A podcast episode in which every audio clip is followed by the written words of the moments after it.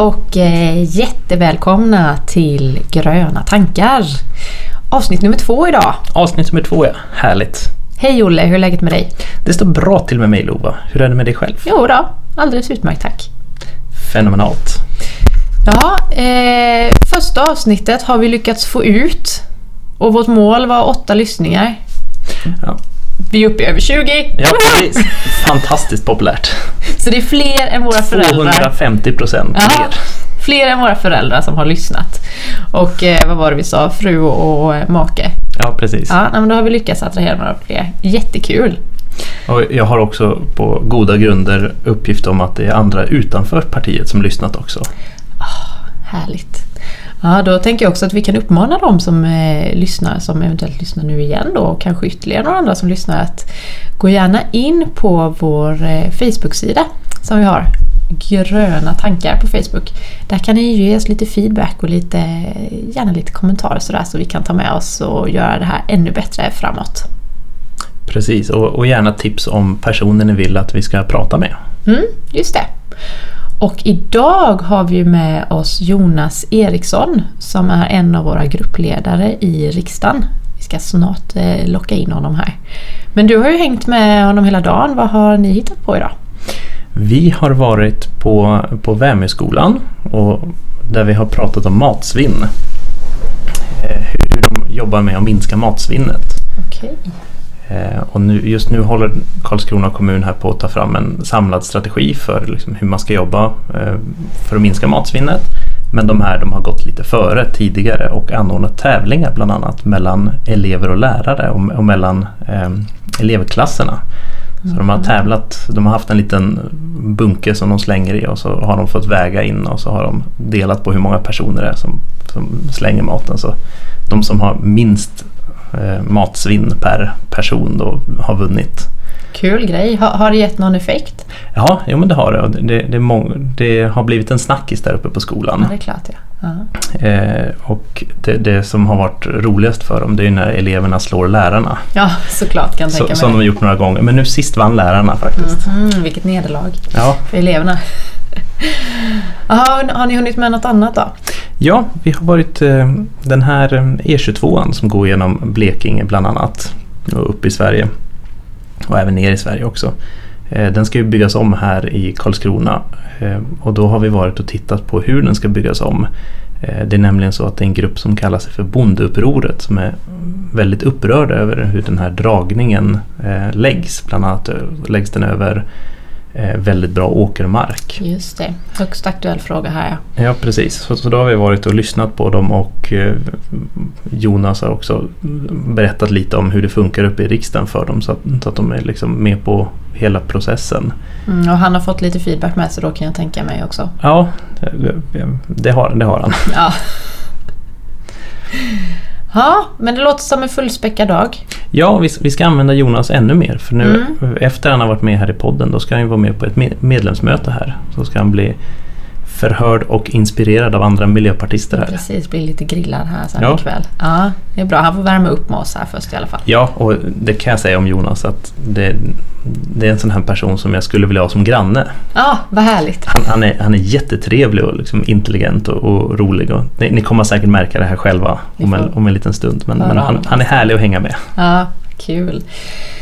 Jaha, annars då i ditt politiska liv? Hänt något spännande sen sist? Eh, jo, vi har, vi har här i Karlskrona har vi gått igenom vår valplanering en del och vi har bestämt vilka valfrågor vi ska ha. Eh, och vi har kommit fram till tre stycken. Låt höra. Ja, absolut. Eh, de liknar Riks ganska mycket Mm. eh, och det tror vi är ganska bra. Men vi skiljer oss lite grann. Eh, vi, vi har utan inbördes ordning så har vi klimat och miljö. Vi har också grönt samhällsbygge och sen har vi valt kultur eh, istället för Riks som har då eh, migration. Just det. Mm. Eh, för vi, vi tänker att det finns, det finns mycket att göra här inom kulturlivet i Karlskrona. Mm, det låter ju passande. Vad, vad händer i ditt, ditt eget politiska liv Lova? Ja, eh, mycket budget har det varit nu. Och eh, jag tänker när vi släpper den här podden så hoppas jag att då har vi vårt eh, rödgröna budgetförslag helt klart. Vi gör det ihop med S och V. Så att eh, ja, där har vi eh, malt och eh, jobbat på ordentligt. Och, ja, men det känns som att vi nog har några bra förslag på väg in där. Så att eh, det kommer nog bli en riktigt bra budget som vi får fram där till slut. Ja, så, så bra att man kan kalla den grönröd. Ja, men precis kanske det till och med. Mm, det tycker jag. Ja, det låter bra. Ja, okej. Ska vi eh, köra igång och släppa in Jonas då och hälsa honom välkommen? Ja, det tycker jag. Bra.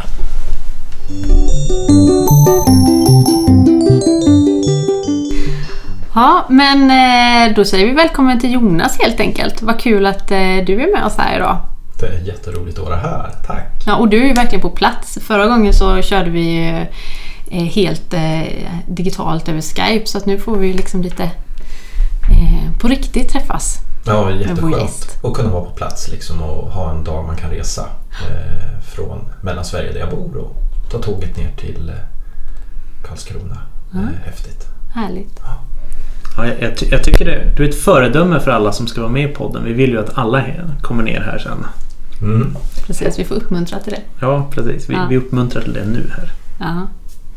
Ja, lite om Jonas då. Olle, vill du köra en liten presentation? Ja. Se om du känner igen dig. Ja, absolut. Eh, Jonas är ju då gruppledare i riksdagen. Du är riksdagsledamot sedan 2010. Jag har rätt än så länge. Ja, Ja.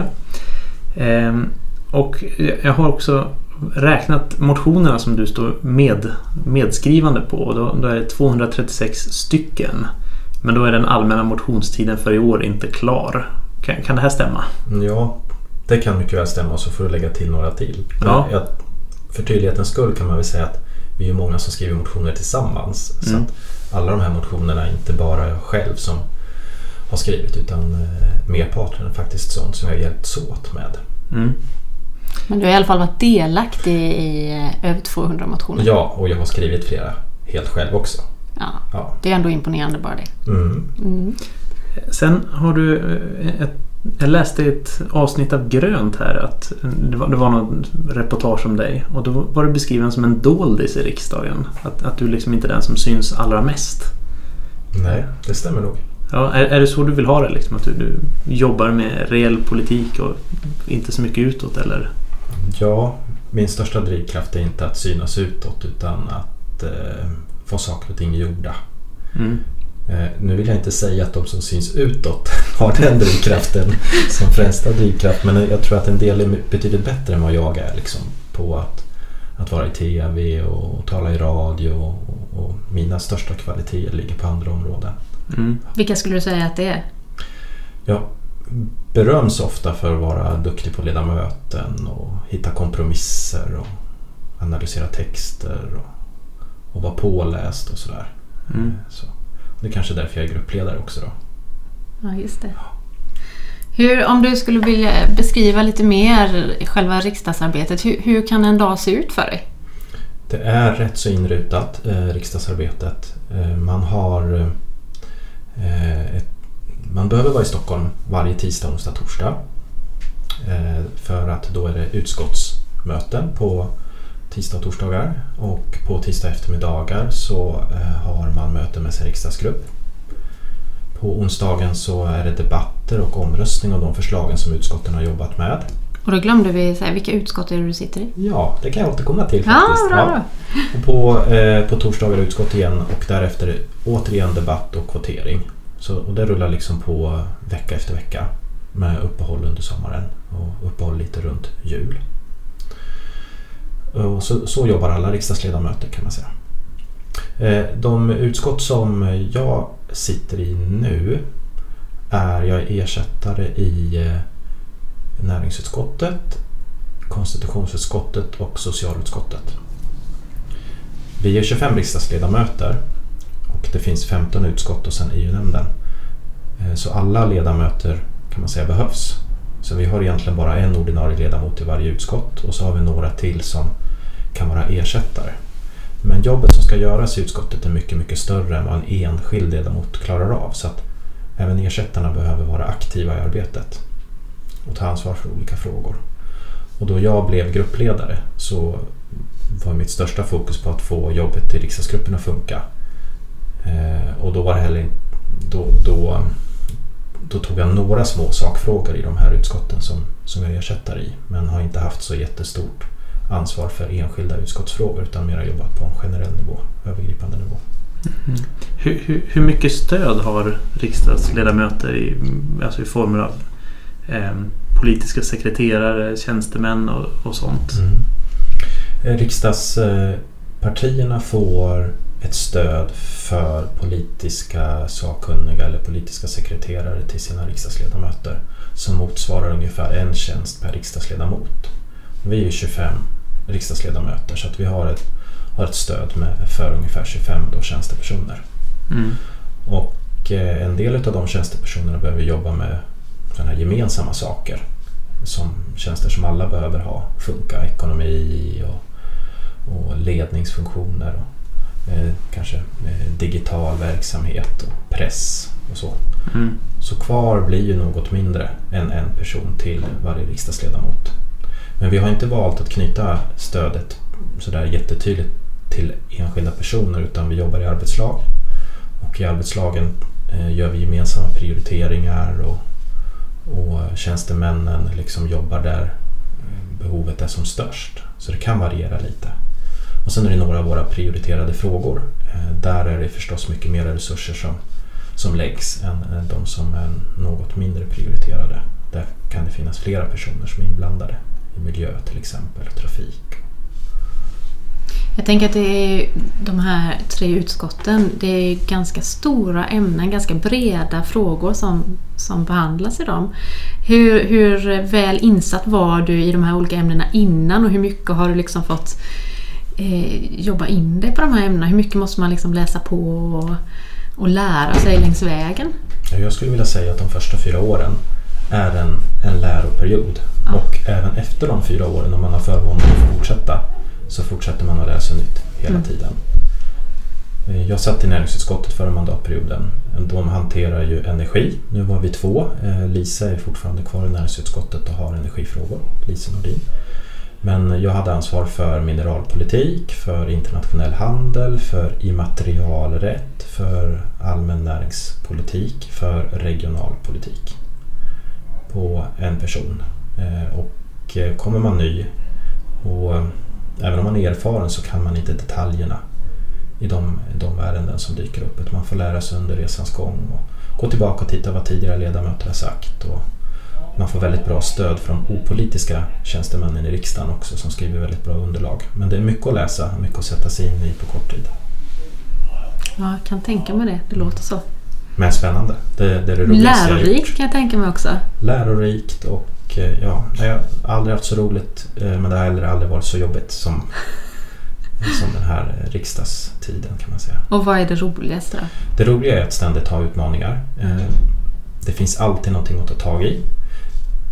Baksidan av det myntet är ju att det alltid finns misslyckanden också där man inte når framgång och att det kan ta tid innan man når framgång. Alltså man måste ha tålamod. Eh, men det roligaste är nog det att det ständigt hela tiden kommer nya saker. Man förväntas leverera. Det är stimulerande. Mm. Och de, de största utmaningarna? Ehm, jag tror den största utmaningen är att eh, begränsa sig. Därför att annars tror jag man snabbt kan gå in i väggen. Det finns alltid saker att göra så att det gäller att se till att man ger sig själv tid för återhämtning, tid för att fortfarande ha sociala kontakter utanför uppdraget. Liksom ha ett, ett liv. Mm. Och inte bara jobba, jobba, jobba, jobba, jobba. För att jobbet är roligt. Men man behöver fylla på också. Mm. Vilka frågor är det du brinner särskilt för? Jag har fått under den här tiden, jag engagerade mig i Miljöpartiet utifrån ett miljöperspektiv. Jag var väldigt bekymrad över utvecklingen, hur vi använder jordens resurser. Och, eh, när jag började så handlade det om eh, kvicksilver och försurning och ozonskiktet och så här. Nu har det gått en tid sedan dess. Eh, men när jag kom in i näringsutskottet och började jobba med mineralfrågor så, och, och de stora eh, säga, markintressekonflikterna som finns mellan vårt urfolk i Sverige och de som vill exploatera mineraler och starta gruvor i Sverige. Då började jag bli väldigt intresserad och nyfiken på hur vi hanterar samefrågorna, urfolksfrågorna. Och de har jag försökt hålla i även under den här mandatperioden. att stärka urfolkens rättigheter i Sverige. Där tycker jag vi också har nått framgång. Det är jättekul, det händer saker där.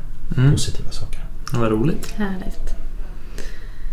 Ja, jag tänker att eh, vårt tema på den här podden är ju eh, jämställdhet. Mm. Det, det är ju det jag tänker att vi ska inrikta oss lite mer på nu också. Eh, sådär generellt, hur jobbar ni med de frågorna i riksdagen? Vilka har varit viktiga för er att driva den här mandatperioden? Ja, först tycker jag det är viktigt att nämna det är inte bara jag som är gruppledare. Vi är två gruppledare. Just det. Precis som vi har två språkrör. Vi har manligt och kvinnligt språkrör vi har en manlig och en kvinnlig gruppledare. Så min kollega Maria Färm och jag, vi är gruppledare tillsammans. Ehm, på pappret rent formellt så kallar vi oss för vice gruppledare och gruppledare och så turas vi om att skifta på det där formella. Men i praktiken så jobbar vi tillsammans.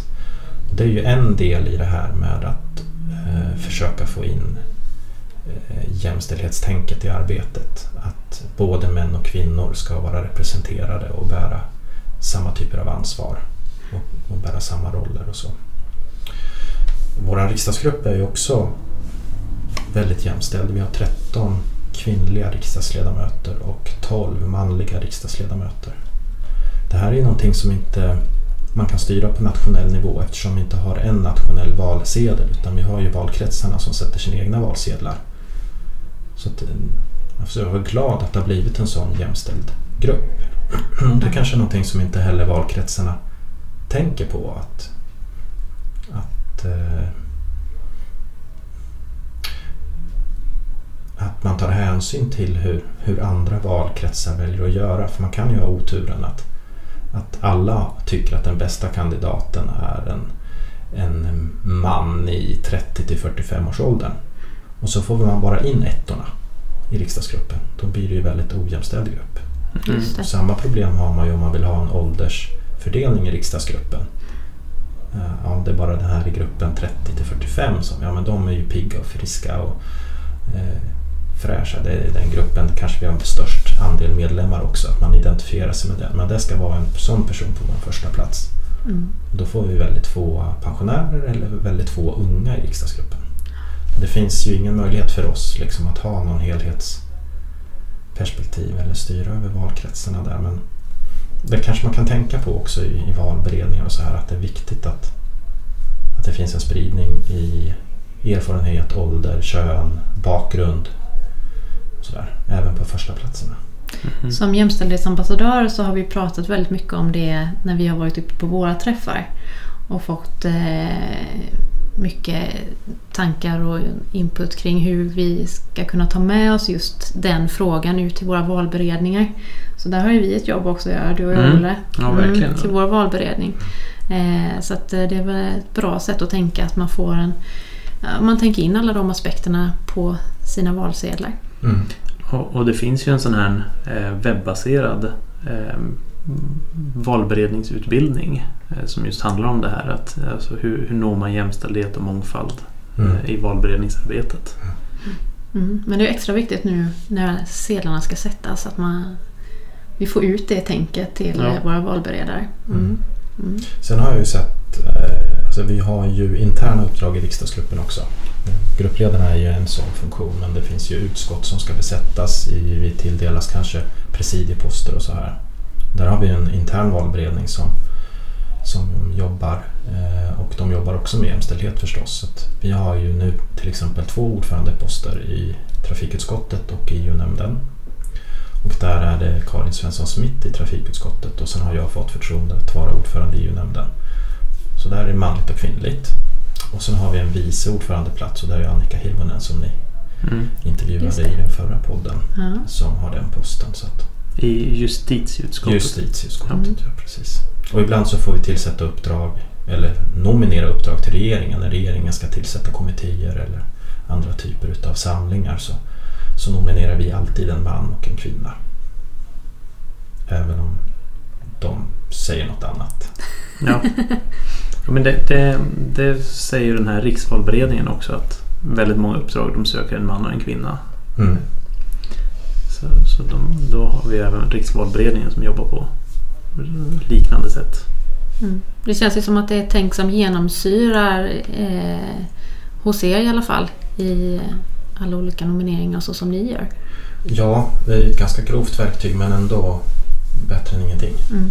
Mm. Mm. Jag, jag tänkte de här, du sa att det finns tjänstepersoner anställda. eh, Så, och det är flera som jobbar med klimat och miljö. Hur många har ni som jobbar med jämställdhet? Vet du det på rak arm? Nej, eh, det kan jag inte säga. Eh, jag, jag skulle gissa att det är en tjänsteperson som har det som någon slags huvudansvar inom sitt område. Eh, men samtidigt att det är det är väl det här som är svårigheten. Är det någonting som alla ska ta ansvar för? Eller är det någonting som en person ska ta ansvar för? Och då menar väl vi i grunden att alla ska ta ansvar för det. Men ibland kan det också behövas någon som har särskilt fokus och följer upp och ser till Mm. att det finns. Och jag, Just det. jag tror att det är eh, att vi har en, en tjänsteperson som har ett särskilt jämställdhetsansvar. Men jag kan faktiskt inte peka ut vem det skulle vara. Mm. Jag kan gissa, men det är dumt. Ja, ja precis. Tillbaka det sen. begär vi inte. Ja. Eh, men eh, har du någon sån där uppfattning? För att eh, för oss Miljöpartiet så, som du säger, det är en fråga som verkligen ni tänker igenom hur det ska se ut, hur det ska delas upp, manligt, kvinnligt, vilka vi, vi har med i, i de olika grupperna och så. Har du någon uppfattning om hur det ser ut i övriga partier? Alltså finns, eh, finns det ett sånt tänk eller är det, skiljer vi ut oss?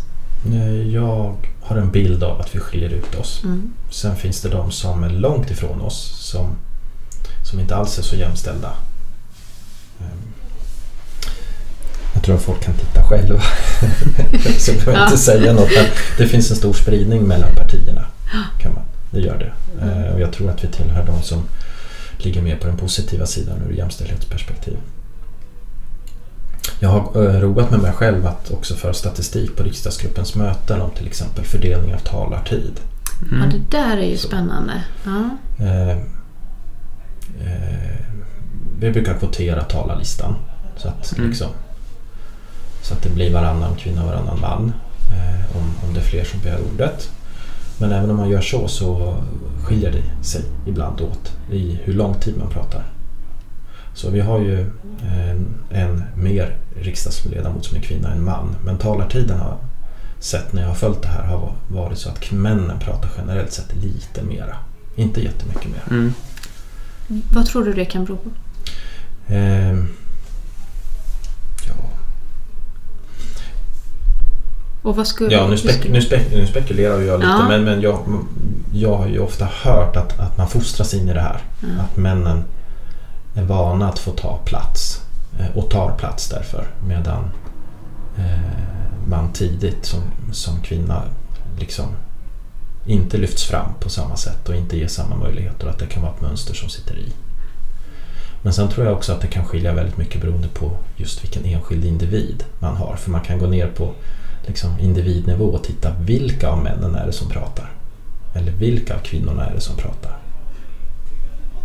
Så, även, även i, en, i en grupp med bara ett, eller ett kön i så, eh, så kan man ju se att det finns vissa personer som pratar väldigt mycket och några som inte pratar alls. Så att i en grupp på 25 personer så är det inte säkert att det bara hänger ihop med om man är man eller kvinna utan kan också med personliga egenskaper. Ja, just det. Ja. Jag tänker det som du är inne på, eh, att eh, det här är saker som kanske sätter sig tidigt och sådär. Visst har du också en bakgrund som lärare? Ja, Ja. Gymnasielärare? eller? gymnasielärare. Ja. Mm. Eh, jag tänker att just jämställdhetsfrågor är någonting som man kanske skulle kunna börja med och jobba med ganska tidigt med både barn och elever. Hur tänker du att man skulle kunna göra det på ett bra sätt? Att få in det här redan i... Ja, det, givetvis, man jobbar ju med, med normer och så i skolan men att jobba ytterligare med det, stärka det fokuset. Ja, det tror jag är jätteviktigt. Eh, Jag tror att det är för sent. Eller för sent är det aldrig, men jag tror att man måste börja med det långt innan gymnasiet. Mm. Men som, som gymnas, gymnasielärare är jag uppmärksam på eh, hur mycket plats människor tar eh, och kanske tar från varandra är väl jätteviktigt. Eh, För just även om, om det nu på ett strukturellt plan handlar om manligt och kvinnligt så dels se till att kvinnor får lika mycket utrymme Just i i, klass, klassrumssituationen i då, du? klassrumssituationen. Ja, Ja. Precis. I, i eh, respons från mig som eh, undervisande personal. Och feedback och sådär. Um, vad jag lägger fokus på. Om man, um, Jag tänker just det Ja. kräver ju ganska mycket från pedagogen. Att man har en förståelse och att man kan se liksom hur, man, hur man kan jobba med det. ja, och så innan man kommer dit så Mm. måste man ju ha de glasögonen.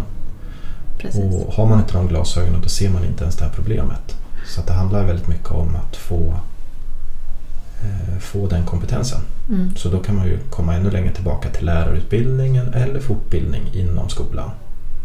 Om man nu redan har varit i yrket en längre tid. Just det. Mm. För nej men vi har inga problem, säger man ju ofta. Nej men vi har, inga, vi har ingen mobbing eller nej men vi behandlar varandra lika. Men så ser man inte skillnaderna därför att man har inte rätt glasögon på sig. Mm. Hur, ehm, du, du pratar ju mycket med de andra partierna i riksdagen. Hur, Ja. hur, hur stort, alltså det här problemet med att vi, vi är ojämställda. Hur stort skulle du säga att de, de övriga tycker att det är? Alltså hur goda chanser finns det att, att sätta in eh, insatser mot, mot den här typen av problem som vi pratar om här? Riksdagen eh, har tagit initiativ, eller talmannen har tagit initiativ, talmännen har tagit initiativ. Så att man jobbar med ett jämställdhetsarbete. Eh, Vår egen riksdagsledamot Isabella, Le, inte Isabella Lövin utan Isabelle Dingizian förlåt, eh, leder ett sådant arbete med att titta hur jämställdheten i riksdagens arbete ser ut bland ledamöter och bland Mm. partier. Och har tittat bland annat på hur debatterna förs, hur, hur debatttider eh, fördelas mellan män och kvinnor och inom partier och mellan partier.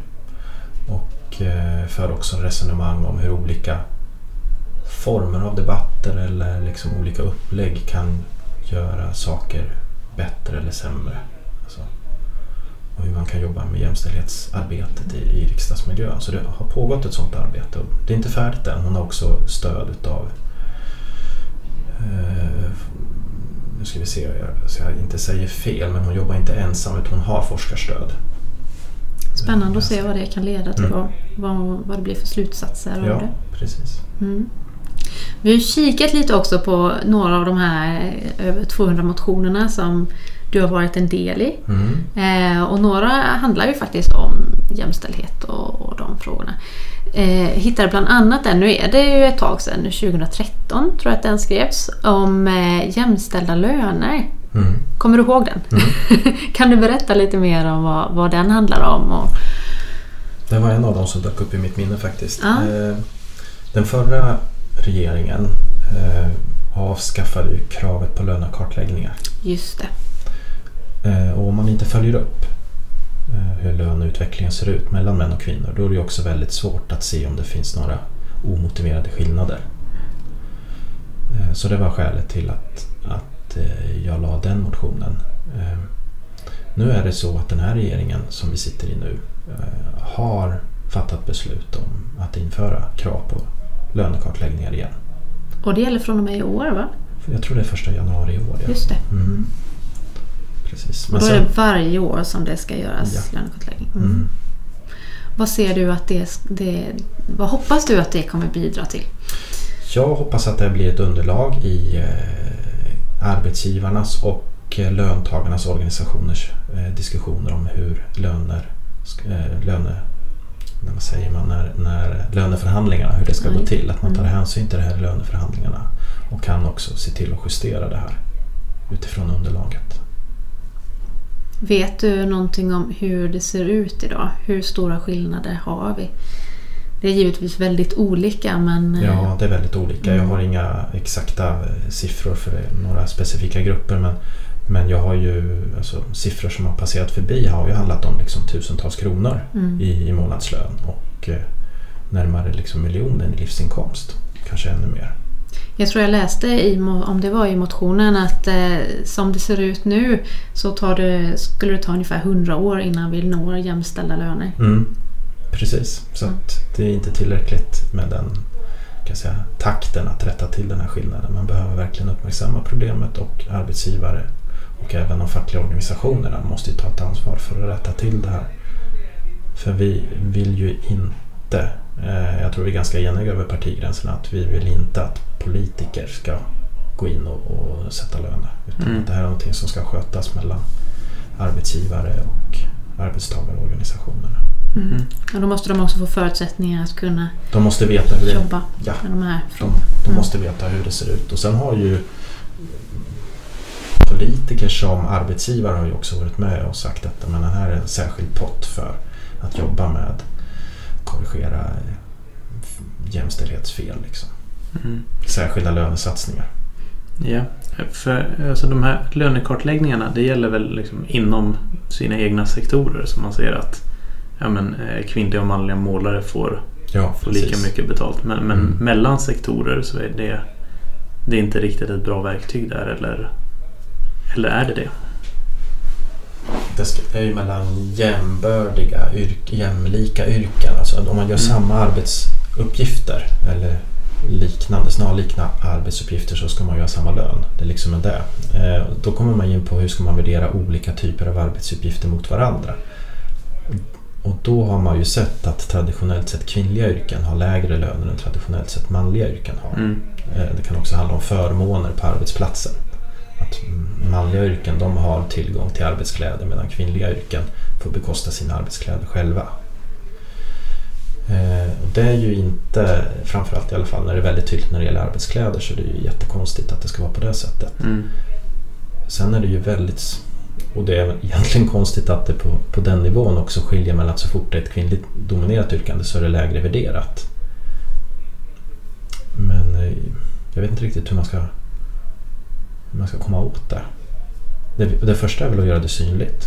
Mm. Då kan man få en diskussion om det. Ja, lyfta upp det och ta den. Eh, Diskussion. Men eh, ja, Ja. det är komplicerat. Mm.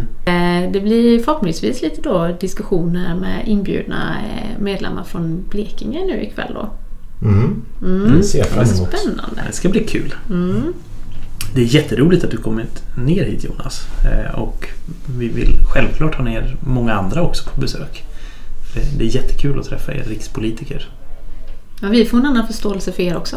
Ja, Så verkligen. jag. Ja, och för men- arbetet. Jag önskar att alla fick möjligheten att göra det jag och mina kollegor gör. För det är så intressant, så givande. Så. Ja, men det känns väl som att vi kanske ska släppa iväg dig nu till de andra som står och trampar där ute. Alla andra miljöpartister som vill ha Jonas. Ja, precis. Tack snälla du för att du eh, var med oss och eh, bidrog till avsnitt nummer två i vår podd. Jättekul. Ja. Man måste lyssna på det föregående Ja, Ja, och det som kommer efter.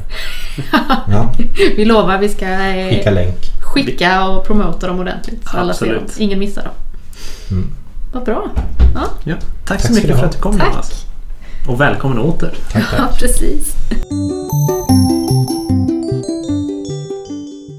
Så, vad kul! Han var fantastiskt trevlig, Jonas. Precis sa som ju det. sa. Jajamän. ja, vad tar vi med oss från det här, Olle? Vad tänker du?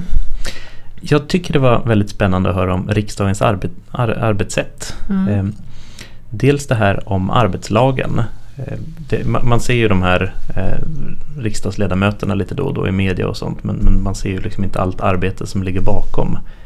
Eh, och hur de jobbar i team och liksom hur de lägger upp det på ett smart sätt. Eh, så, så det tyckte jag var väldigt spännande.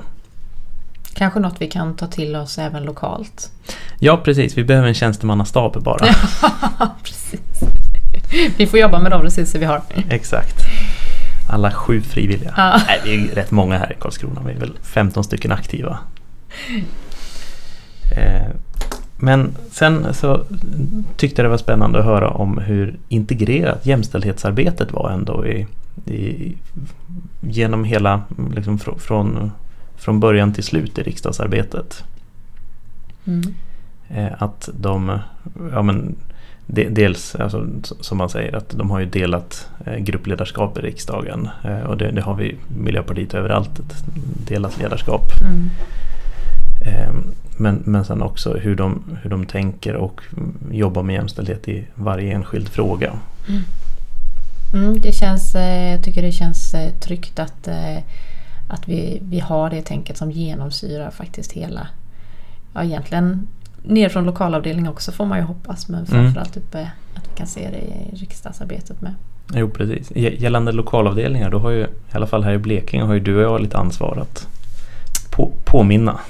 Just det, som jämställdhetsambassadörer. Ja, Vi har väl framförallt ett ansvar nu inför valet och se till att rusta våra valberedare lite ordentligt så att vi får eh, till riktigt bra listor med bra representation mellan könen och jo precis. bra mångfald och så.